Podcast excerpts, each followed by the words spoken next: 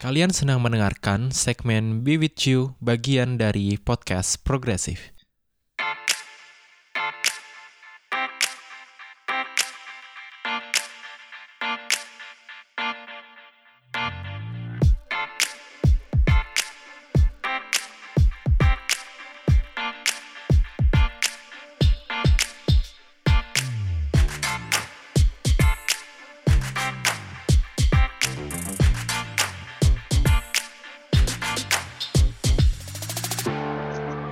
Sobat Progresif, balik lagi di podcast sesinya Be With You bareng gue Fitri.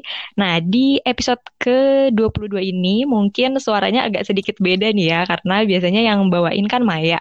Dan kali ini gue mau mencoba untuk take over episode hari ini.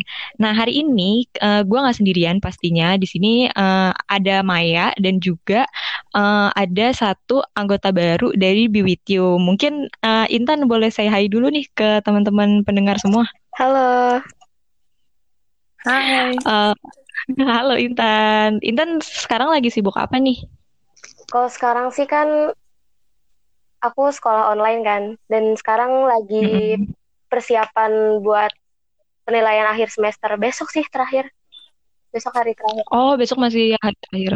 Semoga hasilnya baik nih ya. Gimana perasaannya diterima di BWTU seneng banget lah pasti. Soalnya aku udah berkali-kali ikut terus open volunteer juga. Cuma emang belum ada kesempatan buat terpilih. Dan kali ini akhirnya iya. terpilih juga Nah, kita juga dari teman-teman beauty salut banget nih sama semangatnya Intan. Nah, uh, sekarang uh, partir gue yang lain yang mungkin kalian juga udah gak asing nih ya. Maya, mau menyapa dulu nggak Maya?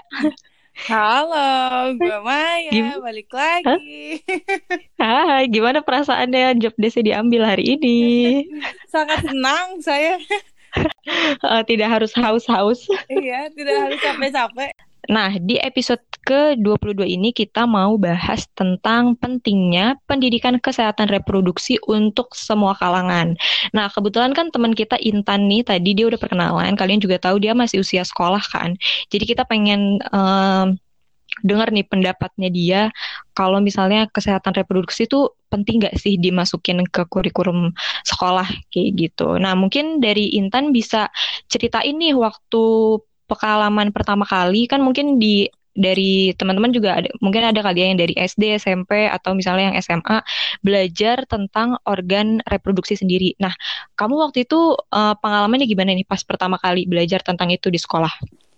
Kalau nggak salah sih aku belajar tentang reproduksi itu SD. Cuma aku belajarnya sendiri karena di sekolah tuh nggak begitu apa ya, nggak begitu detail gitu karena mungkin gurunya mikir ah masih SD gitu kan hmm. gitu nah selanjutnya pas di jenjang SMP nih udah mulai-mulai lebih detail lagi udah mulai lebih serius lagi karena gurunya juga alhamdulillahnya peduli gitu mengenai ah. kesehatan reproduksi ini dan itu di jadi gurunya tuh ngejelasinnya pakai uh, istilah-istilah untuk ngejelasin bagian-bagiannya itu atau nyebutin uh, nama aslinya kayak nama saintifik aslinya yang pas SMP? Iya, jadi dia langsung nyebutin nama aslinya menurut sains. Jadi sebelum kita mulai masuk ke bab reproduksi itu dia udah mulai ngasih kayak inget ya Nah, ini tuh sains loh, ini biologi. Jadi jangan berpikir yang aneh-aneh atau berpikir bahwa hal yang akan kita bahas itu adalah suatu hal yang tabu gitu. Uh, Oke, okay. asik sih. Semoga aja banyak guru-guru lain ya di luar sana yang ngajar itu kayak gurunya Intan. Nah kalau lo sendiri gimana nih Mai uh, cerita pengalaman kali pertama belajar tentang organ reproduksi kayak malu kah atau gimana? Um, gue dulu mungkin karena nggak dijelasin secara um, apa namanya detail jadi nggak begitu nggak kalau belajar ya. Hmm. palingnya cuman kayak ngebahas um, sperma masuk ke dalam ini jadi zigot gitu-gitu gitu doang paling.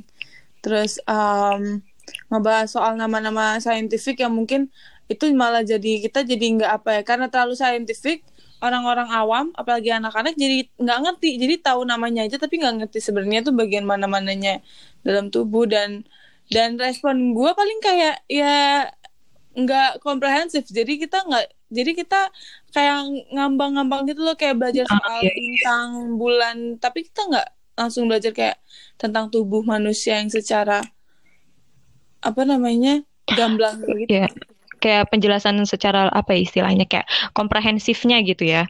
Iya. Yeah. nah kalau gue hampir sama sih dengan Intan uh, sama Maya juga. Jadi pertama kali itu tuh kayaknya SMP ya. Atau mungkin SD tapi gue nggak merhatiin mungkin pas SD tapi gue ingetnya pas SMP jadi dijelasinnya itu uh, organ uh, organ organnya kayak apa strukturnya gitu ya dijelasin uh, secara jelas gitu. Ini namanya ini namanya ini namanya apa ini namanya vagina ini namanya ovarium terus ada rahim dan lain-lain gitu. Dan di uh, kalau waktu gue SMP juga dijelasin jadi kayak kalau misalnya ada sakit namanya apa sakit namanya ini itu disebabkan gara-gara ini gitu. Tapi nggak dijelasin kalau misalnya uh, penyakit ini tuh uh, gara-gara apa gitu. Jadi kayak cuma dijelasin pengertian secara umumnya aja.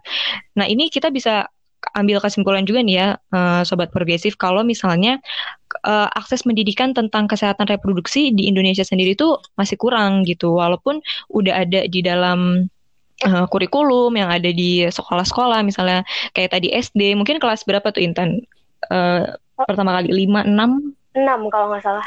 Kelas 6 ya? Iya. kelas 6 ya kelas 6 SD belajar tentang itu dan uh, sebenarnya kesehatan reproduksi itu bisa dimulai dari gak harus nunggu kelas 6 SD nggak sih Mai? Menurut lo gimana tuh? Harus kayak bagusnya kesehatan reproduksi itu diajarinnya sejak sejak kapan sih? Um, kalau menurut gue justru kalau bisa sedini mungkin sih. Karena hmm. kalau misalkan kayak anak apalagi kalau anak udah bisa ngomong ya. Jadi itu bisa mencegah anak-anak untuk uh, menjadi korban atau terkena kekerasan seksual juga kayak contohnya yeah. mulai diajarin cara penyebutan penis, vagina, apa udara, terus kasih tahu mereka bagian-bagian tubuh yang gak boleh disentuh sama orang lain dan gua rasa dari kalau bisa dari mereka udah bisa ngomong tuh harusnya udah diajarin ya. Hmm. Iya sih, gue setuju banget.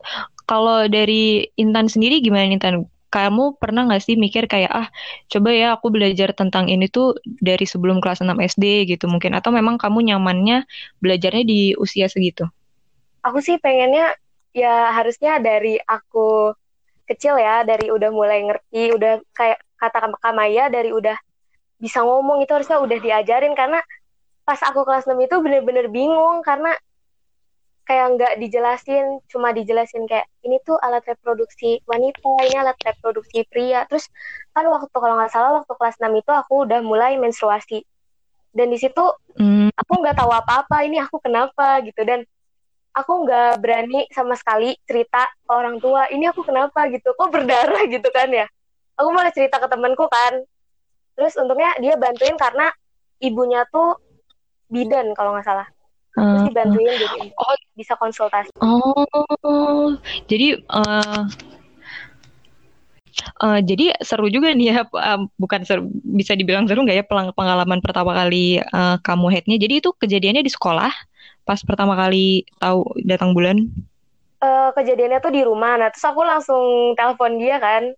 Aku bilang kok aku gini hmm. gini gini gitu. Aku jelasin Terus kata dia, itu mungkin menstruasi kali, bentar ya aku panggilin ibuku dulu, dia bilang kayak gitu. Ah iya, nah ini juga jadi uh, contoh juga nih ya kalau misalnya uh, orang tua tuh sebenarnya uh, berperan penting gitu bagi anak-anak mereka buat mengajarkan tentang si kesehatan reproduksi ini uh, itu sendiri. Nah terus Uh, gue pengen tahu nih dari lo Mai, menurut lo kenapa sih kesehatan reproduksi itu perlu diajarkan? Mungkin tadi udah sempat dimention ya di awal, mungkin bisa dijelasin lagi ke uh, para teman-teman pendengar sobat progresif nih.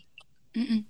Mungkin sebelumnya gue mau nambahin yang kayak kenapa penting banget diajar anak uh, dari anak pas mereka udah mulai bisa ngomong ya, karena kan kalau udah hmm. bisa ngomong kan mereka udah bisa teriak, udah bisa diajarin say no kayak gitu. Udah bisa niru juga kan? Iya, udah bisa niru gitu. Karena kalau nggak diajarin dari mereka udah bisa ngomong, nanti keburu udah ada hal yang terjadi sama mereka dan mereka malah jadi nggak bisa apa ya, nggak bisa. Mereka jadi nggak ngerti sebenarnya kenapa. Karena gue berkaca dari pengalaman gue pribadi. Jadi hmm. dulu tuh uh, nyokap gue nikah sama pengusaha gitu dan emang lumayan stable dan punya supir waktu itu waktu gue ETK kalau nggak salah punya supir dan gue tuh kalau gue tuh jadi keinget ya jadi agak trigger gara-gara supir itu tuh dulu pernah megang vagina vagina gue gitu oh, iya? kayak bener-bener pegang dan hmm. itu setiap dia nganterin gue sekolah waktu gue TK dan gue nggak tahu kalau itu nggak boleh dipegang namanya gue masih kecil kan ya gue hmm. santai-santai aja diem-diem aja gue dan apa namanya setelah itu gue cerita sama nyokap gue pas sudah SMP kalau nggak salah pas sudah gede. Karena gue baru tahu gila kan, itu udah lama banget sih. Iya kan dari TK hmm. cuy. Makanya kenapa kayak penting banget juga buat kita sebagai orang tua tuh ngajarin itu. Karena senyata itu kayak gue salah satu korbannya. Gue kalau hmm. kalau nginget-nginget ternyata banyak banget hal yang pernah jadi. Bahkan even nunjuk ada orang nunjukin kemaluannya tuh kita harus gimana kayak gitu. Yeah, yeah. perlu banget karena gue juga dulu waktu kecil sebelum gue TK malah gue baru inget gue pernah disodorin penis coba waktu kecil di sama orang-orang itu orang-orang dewasa gitu orang-orang dewasa dan itu masuk ke dalam lingkungan wow. keluarga circle keluarga hmm. gitu kan jadi kayak perlu banget bener-bener kayak maksudnya kayak pendidikan seksual tuh nggak melulu soal uh, hubungan intimnya tapi juga soal anggota tubuh reproduksi yeah. dan lain-lain gitu untuk Casper sih kalau gue penting banget sih karena kayak um, ketika kita juga bisa jadi lebih aware apalagi anak-anak anak-anak sekarang kan didorong sama digital apa digi, apa? Digital media internet gitu itu era iya era, era di era digital jadi orang lebih kayak bisa free mau ngapa-ngapain informasi cepat dan lain-lain kayak mungkin ini bisa Makanya jadi catatan karena... juga ya mungkin uh, ada pendengar sobat progresif yang bakal jadi calon-calon orang tua kalau misalnya kesehatan reproduksi ini nggak boleh dianggap tabu gitu. Malah uh, gue sih ngelihatnya mereka tak, malah takut mengajarkan ini karena takut anaknya malah jadi seks bebas lah atau misalnya nanti uh, anaknya malah mikirnya ke mana-mana gitu. Padahal kalau misalnya hmm. dikasih tahu kayak jangan gini, jangan gini gitu, malah cenderung pernah makin penasaran gak sih yang ada jadi jadi tambah dicoba gitu kan. Mm-hmm. kayak jangan merokok misalnya jangan merokok kamu jangan seks bebas atau misalnya jangan apa. Nah itu nanti mereka malah jadi semakin questioning tuh ke ke di dalam kepala mereka kayak kenapa sih nggak dibolehinnya? gitu. Karena selama ini di mm-hmm. deklarasi di declare sama orang tuanya tuh kayak cuma jangan jangan doang kayak gitu. Kalau misalnya dari Intan nih uh, menurut kamu kenapa uh, kesehatan reproduksi itu perlu diajarin bahkan sedini mungkin kalau dari aku sendiri dari sisi pandang aku sebagai remaja hmm. aku ini punya rasa ingin tahu yang tinggi dan dengan mengajarkan tentang kesehatan reproduksi pokoknya tentang all about uh, reproduksi gitu jadi menghindarkan aku dari misinformasi atau kesalahan-kesalahan informasi ya. yang aku dapat sendiri dari internet gitu kan hmm. dan betul, juga betul banget. supaya remaja-remaja tuh mengerti kalau kesehatan reproduksi itu bukan hanya sekedar untuk orang yang aktif dalam berhubungan seksual, tapi itu juga mencakup dengan kesehatan fisik, mental, dan juga sosial yang harus dimengerti sama remaja-remaja di luar sana gitu. Hmm, wah ini keren banget nih statementnya Intan. Gue pengen tepuk tangan dulu rasanya. ya itu tadi juga ya. Jadi selain buat perlindungan diri si anaknya mereka juga jadi uh, terhindar tuh dari uh, image informasi yang beredar di uh, media gitu. Apalagi sekarang kan um, tentang informasi apa aja tuh bisa gampang banget dicari kan. Kayak mau sambil ngapain juga ada ada di genggaman tangan kita kayak gitu. Nah mungkin mulai dari Maya lagi kali ya. Menurut lo nih Mai caranya gimana sih buat ngenalin uh, Cash Pro ke anak-anak gitu. Mungkin menurut lo ada nggak pendekatan yang kayaknya ini pas? Kalau gue berkaca dari Australia aja ya karena um, gue juga sedikit banyak tahu mereka gimana ngajarin hmm. apa seks pro dan pendidikan seks di seksual di uh, sekolah. Jadi emang penting banget uh, kalau misalkan pendidikan seksual ini dijadiin kurikulum. Jadi kita ngomongin setiap hari tentang hmm. pro. Terus kita tahu kayak bahkan mereka tuh ngajarin ngajarin gimana caranya pakai kondom dan lain-lain. Karena itu penting yeah, yeah. kan? Karena kayak um, nih gue kenapa itu penting? Karena nih jujur aja ya banyak banget kalau misalnya ditanya kan orang suka ngomong gini ya emang siapa sih di, di Indonesia yang ngelakuin seksual sebelum nikah? Yeah. gitu. Padahal banyak banget. Ini bukan berarti gue melegalkan seks di luar nikah ya tapi I mean kita nggak bisa bohong kalau there are a lot of people who doing it gitu. betul betul. Dan salah satu salah satu cara yang yang apa yang paling ampuh adalah supaya mereka misalkan supaya orang-orang di Indonesia nggak nggak berhubungan seksual yang beresiko adalah ya dengan diajarin kesehatan reproduksi. Di mana di kesehatan reproduksi itu juga belajar uh, konsensual di mana kayak ngebahas soal uh, udah lo tuh udah siap belum sih untuk berhubungan seksual? Lo tuh secara mental udah siap belum? Secara fisik udah sehat udah siap belum? Terus kalau misalkan lo udah siap apa resiko-resiko ke depannya ketika lo melakukan hubungan seksual? Hmm. kayak gitu. Jadi uh, justru pendidikan seksual ini juga bisa mengajarkan ke mereka hak tubuh mereka sendiri ketika mereka tahu kapan mereka siap dan kapan ketika mereka nggak mau melakukan itu. Dan mereka menjadi berani untuk berkata tidak. Dan yang paling efektif adalah diterapkan di kurikulum. Kalau misalkan untuk anak-anak TK ya mungkin bisa melalui kayak visual mulai dari gambar-gambar mulai dari yang kayak tadi gue bilang tubuh yang boleh disentuh hmm. tubuh yang tidak boleh disentuh nama-nama uh, bagian tubuh yang private kayak penis, vagina, bokong supaya mereka juga nggak nggak mocking apa ya mocking tuh bahasa Indonesianya ngejek. ngejek. Kayak nggak ngejek ya. Jadi kayak nggak ngejek masa ngomongin tubuh sendiri aja diejek gitu. Masa megang tubuh sendiri aja jadi hal yang tabu. Coba deh kalau lagi olahraga ada bagian megang bokong atau ada bagian mm yang langsung pada lagi Iya kan? pada kayak, iya, kenapa tuh, kenapa tuh kayak gitu. gitu sih kalau dari gue. Tadi aku udah nanya ke Intan belum ya? Belum belum. Belum nah sekarang dari Intan nih gimana? Mungkin uh, Intan mungkin kalau misalnya dulu untungnya pas zaman SMP kan gurunya uh, open banget nih ya terhadap informasi terkait kesehatan reproduksi ini. Mungkin uh, kamu uh, ada harapan gak sih kayaknya ah kayaknya lebih enak deh kalau mungkin ngajarinnya pakai buku cerita kah? Atau misalnya ada pro, ada prototipe prototipe itu apa ya? Kayak modelnya gitu. Atau bu, maksudnya bukan model orang asli ya? Mungkin ada uh, simulasinya atau gimana?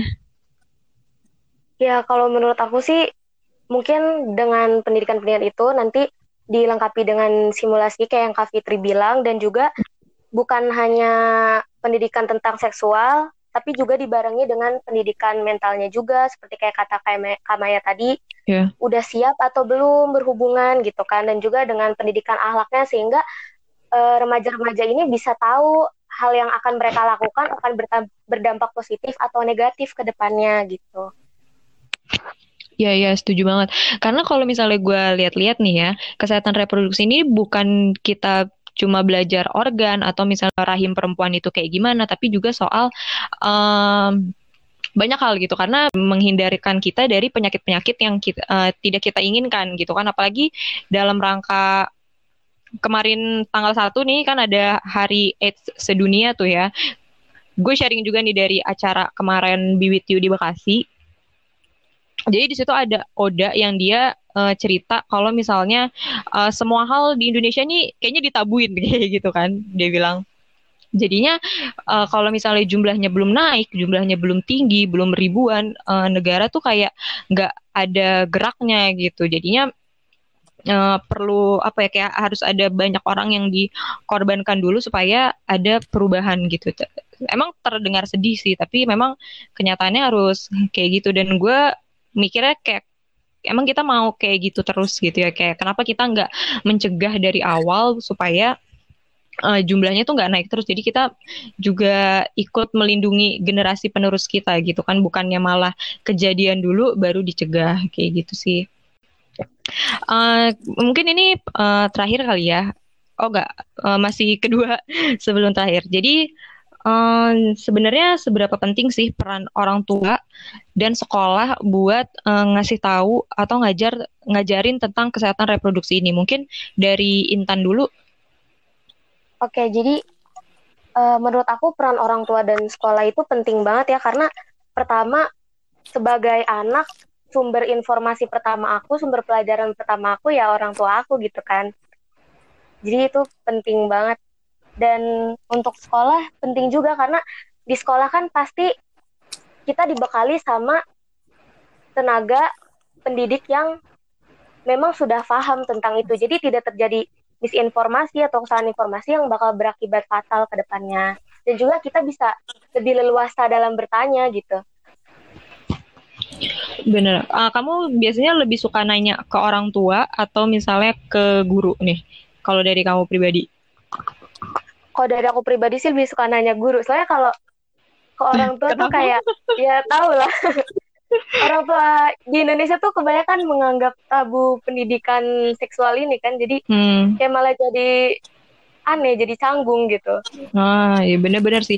Kalau dari gue pengalaman pribadi juga kalau nggak salah dulu baru uh, eh, gue lupa ya gue akan di warning kalau misalnya akan ada darah yang keluar dari tubuh gue rutin selama uh, seminggu setiap bulannya itu gue lupa. Tapi yang untungnya tuh pas kejadian pertama gue datang bulan itu juga di rumah sih. Jadi gue kayak langsung nanya ke kakak gue gitu kayak uh, eh, gue ngasih kayak ngasih lihat kayak eh ini ini apaan? Kayak gitu kan kayak ada bercak gitu langsung oh itu lo hate berarti kata dia gitu kan. Terus gue baru oh baru deh uh, dari awal itu gue diajarin tuh ini cara ngebersihinnya kayak gini terus cara ngebersihin bersihin pembalutnya kayak gini. Nah yang jadi kekhawatiran gue adalah gimana kalau misalnya eh, anak-anak di luar sana itu uh, posisinya nggak sama dengan gue gitu kan. Jadi karena semua orang kan kita nggak tahu ya kondisi keluarga orang tuh seperti apa gitu. Jadi uh, sebenarnya agak mengkhawatirkan juga sih kalau misalnya uh, mereka yang tadinya nggak tahu nih gimana caranya uh, kalau misalnya kalau misalnya perempuan ya kalau misalnya dia mereka pertama kali hate itu apa yang harus mereka lakukan gitu jadi uh, itu gue juga jadi salah satu alasan dari gue sendiri kalau misalnya uh, sekolah tuh penting gitu buat mengajarkan tentang hal ini kayak gitu. Nah kalau dari lu Mai, menurut lu gimana? Uh, apa tadi pertanyaannya? Uh, tentang seberapa penting orang tua uh, dan juga sekolah buat uh, ngedukasi terkait kesehatan reproduksi. Penting banget sih, soalnya kan orang tua tiap hari di rumah ketemu mm anak. Sekolah kalau di sekolah hampir setengah hari waktu anak dihabisin di sekolah gitu. Jadi kalau misalkan anak-anak nggak diajarin dari orang tua atau dari sekolah, seumur hidup anak-anak itu nggak akan ngerasa aman karena itu kan dasar nilainya kan dari situ. Ah iya iya benar-benar. Gitu. Kayak contohnya gini, salah satunya ya um, ngomongin pacaran sama orang tua aja jadi tabu. Gimana ngomongin seksual, gimana ngomongin iya. pendidikan yeah. kespro, ya gimana? eh, gimana kalau dari gue maksudnya gini kan kalau si organ yang alat reproduksi ini ya kesehatan reproduksi ini kan kita wujudnya tuh ada gitu. Maksudnya bukan bisa dilihat uh, secara kita kayak gue dulu waktu SD itu nggak boleh ngomongin cowok sama nyokap gue waktu itu gue kelas 6 gitu terus eh pas gue SMP baru nyokap gue nyadar kayak oh iya ya kayaknya emang harus uh, dibiarin aja terus nanti dikasih dampingan dan dibolehin cerita. Jadi kalau ada apa-apa yeah. orang tua tahu gitu. Jadinya ya gue jadi cerita sama nyokap gue tentang pacar terus juga mulai cerita tentang yang kayak gue pernah ngalamin pelec uh, kekerasan mm -hmm. seksual sih waktu gue kecil yang TK itu yang gitu. Itu sih penting banget emang orang tua. Karena kan kalau misalkan ada apa-apa kan orang tua tempat pertama kita yang yeah cari perlindungan kan? Nggak mungkin. Sekolah juga sama kalau misalkan kejadiannya di luar sekolah. Pasti reverse ke orang tua. Kan nggak bisa berhubungan. Iya kan? Nggak tiba-tiba ngelapor ke pihak gitu. sekolahnya gitu. Pasti yang ditanya orang tuanya mana ya gitu kan. Hmm. iya. Iya posisinya kita lapor polisi dikembalikan lagi kepada orang tua gitu ya. Iya.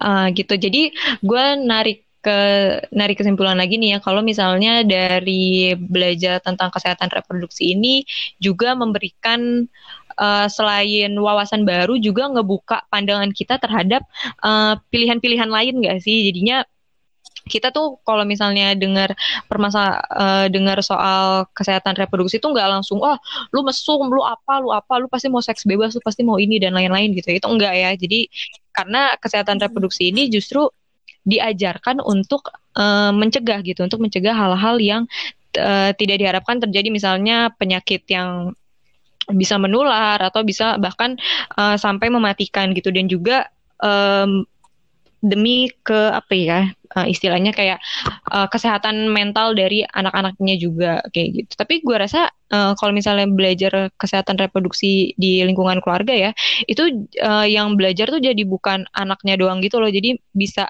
sambil apa? sambil belajar bareng-bareng gitu karena hubungan antara orang tua dan anak itu uh, tiap keluarga kan beda ya. Jadi uh, gue menurut gue metode pengajaran orang tua ke anak-anaknya pun beda dan itu nggak uh, bi uh, kayaknya nggak ada gurunya nggak sih? Kayak gue nggak pernah tuh ada bukunya uh, ajarkan kayak tutorial menjadi orang tua gitu kayak nggak ada kan. Jadi nggak ada. Jadi gue rasa uh, itu juga bisa jadi proses pembelajaran nggak cuma bagi si anak tapi juga bagi si orang tuanya gitu Nah, mungkin kita tadi udah ngobrol panjang nih ya soal kesehatan reproduksi, tentang pengalaman kali pertama belajar tentang organ reproduksi di sekolah, dan juga uh, enaknya pengennya gimana sih belajar tentang si Caspro ini. Dan nggak berasa kita udah sampai di bagian terakhir. Jadi gue mungkin boleh nih dengar closing statement dari Maya dulu mungkin. Um, kalau dari gue sih uh, mungkin kayak cash pro ini emang wajib banget diterapin di lingkungan keluarga maupun di lingkungan sekolah dari awal ya. Kalau bisa dari anaknya udah bisa ngomong tuh udah diajarin.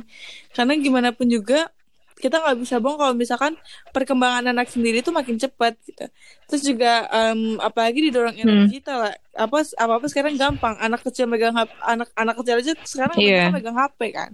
Dan kita nggak bisa kayak malah nyuruh anak gak boleh megang HP dan lain-lain. Tapi kita harus mengedukasi anak juga untuk supaya mereka juga bisa lebih uh, bijak lagi me, apa menyaring informasi dan kenapa penting banget buat di sekolah yang kayak tadi kita bilangin sih kayak um, karena anak-anak kan hampir seluruh apa hampir setengah hari itu me meluangkan di sekolah. di sekolah. Bahkan hampir ya bahkan hampir dari pagi hmm. sampai sore kan? Walaupun sekarang tetap di rumah nah, tapi dia natap layarnya pun untuk urusan sekolah gitu ya. Iya benar gitu. Dan sekolah juga punya tanggung jawab atas atas um, keberlangsungan anak di sekolah. Dan caranya banyak lah pikirin lah. Kayak dari bikin buku bikin cerita bikin poster bikin peraga apa gitu yang bisa ngedorong anak-anak supaya mereka juga dapat pendidikan uh, seksual dan juga cash flow secara komprehensif dan yes, keren. Mungkin boleh dilanjut dari Intan ada nggak closing statementnya? Dari aku sendiri kesehatan produksi itu reproduksi itu penting banget dan peran orang tua dan sekolah itu benar-benar dibutuhkan untuk saling mendukung, saling memberi informasi kepada si anak ini supaya si anak terhindar dari hal-hal yang berakibat fatal di kemudian hari. Contohnya misalnya dia uh, terkena penyakit menular seksual mungkin kan jadi bisa terhindar dengan uh, pendidikan dan informasi yang akurat yang diberikan kepada para remaja. Tuh. Oke, okay, thank you ya buat Intan dan Maya yang mau berbagi cerita mereka dan juga pengalaman mereka terkait kesehatan reproduksi di episode kali ini. Nah, buat kalian yang pengen tahu info-info uh, lanjutan dan juga yang pastinya uh, web webinar atau misalnya event-event seru terkait isu gender dan juga kesetaraan gender, kalian bisa banget nih follow Instagram kita di bewithyou.com tit, uh, dot atau titik IDN dan juga jangan lupa buat follow podcast underscore progresif karena mereka punya banyak banget uh, segmen-segmen podcast yang pastinya seru mulai dari politik, uh, sosial budaya, sejarah dan sampai uh, isu-isu perempuan yang kayak kita lakuin sekarang. Sampai jumpa di episode selanjutnya.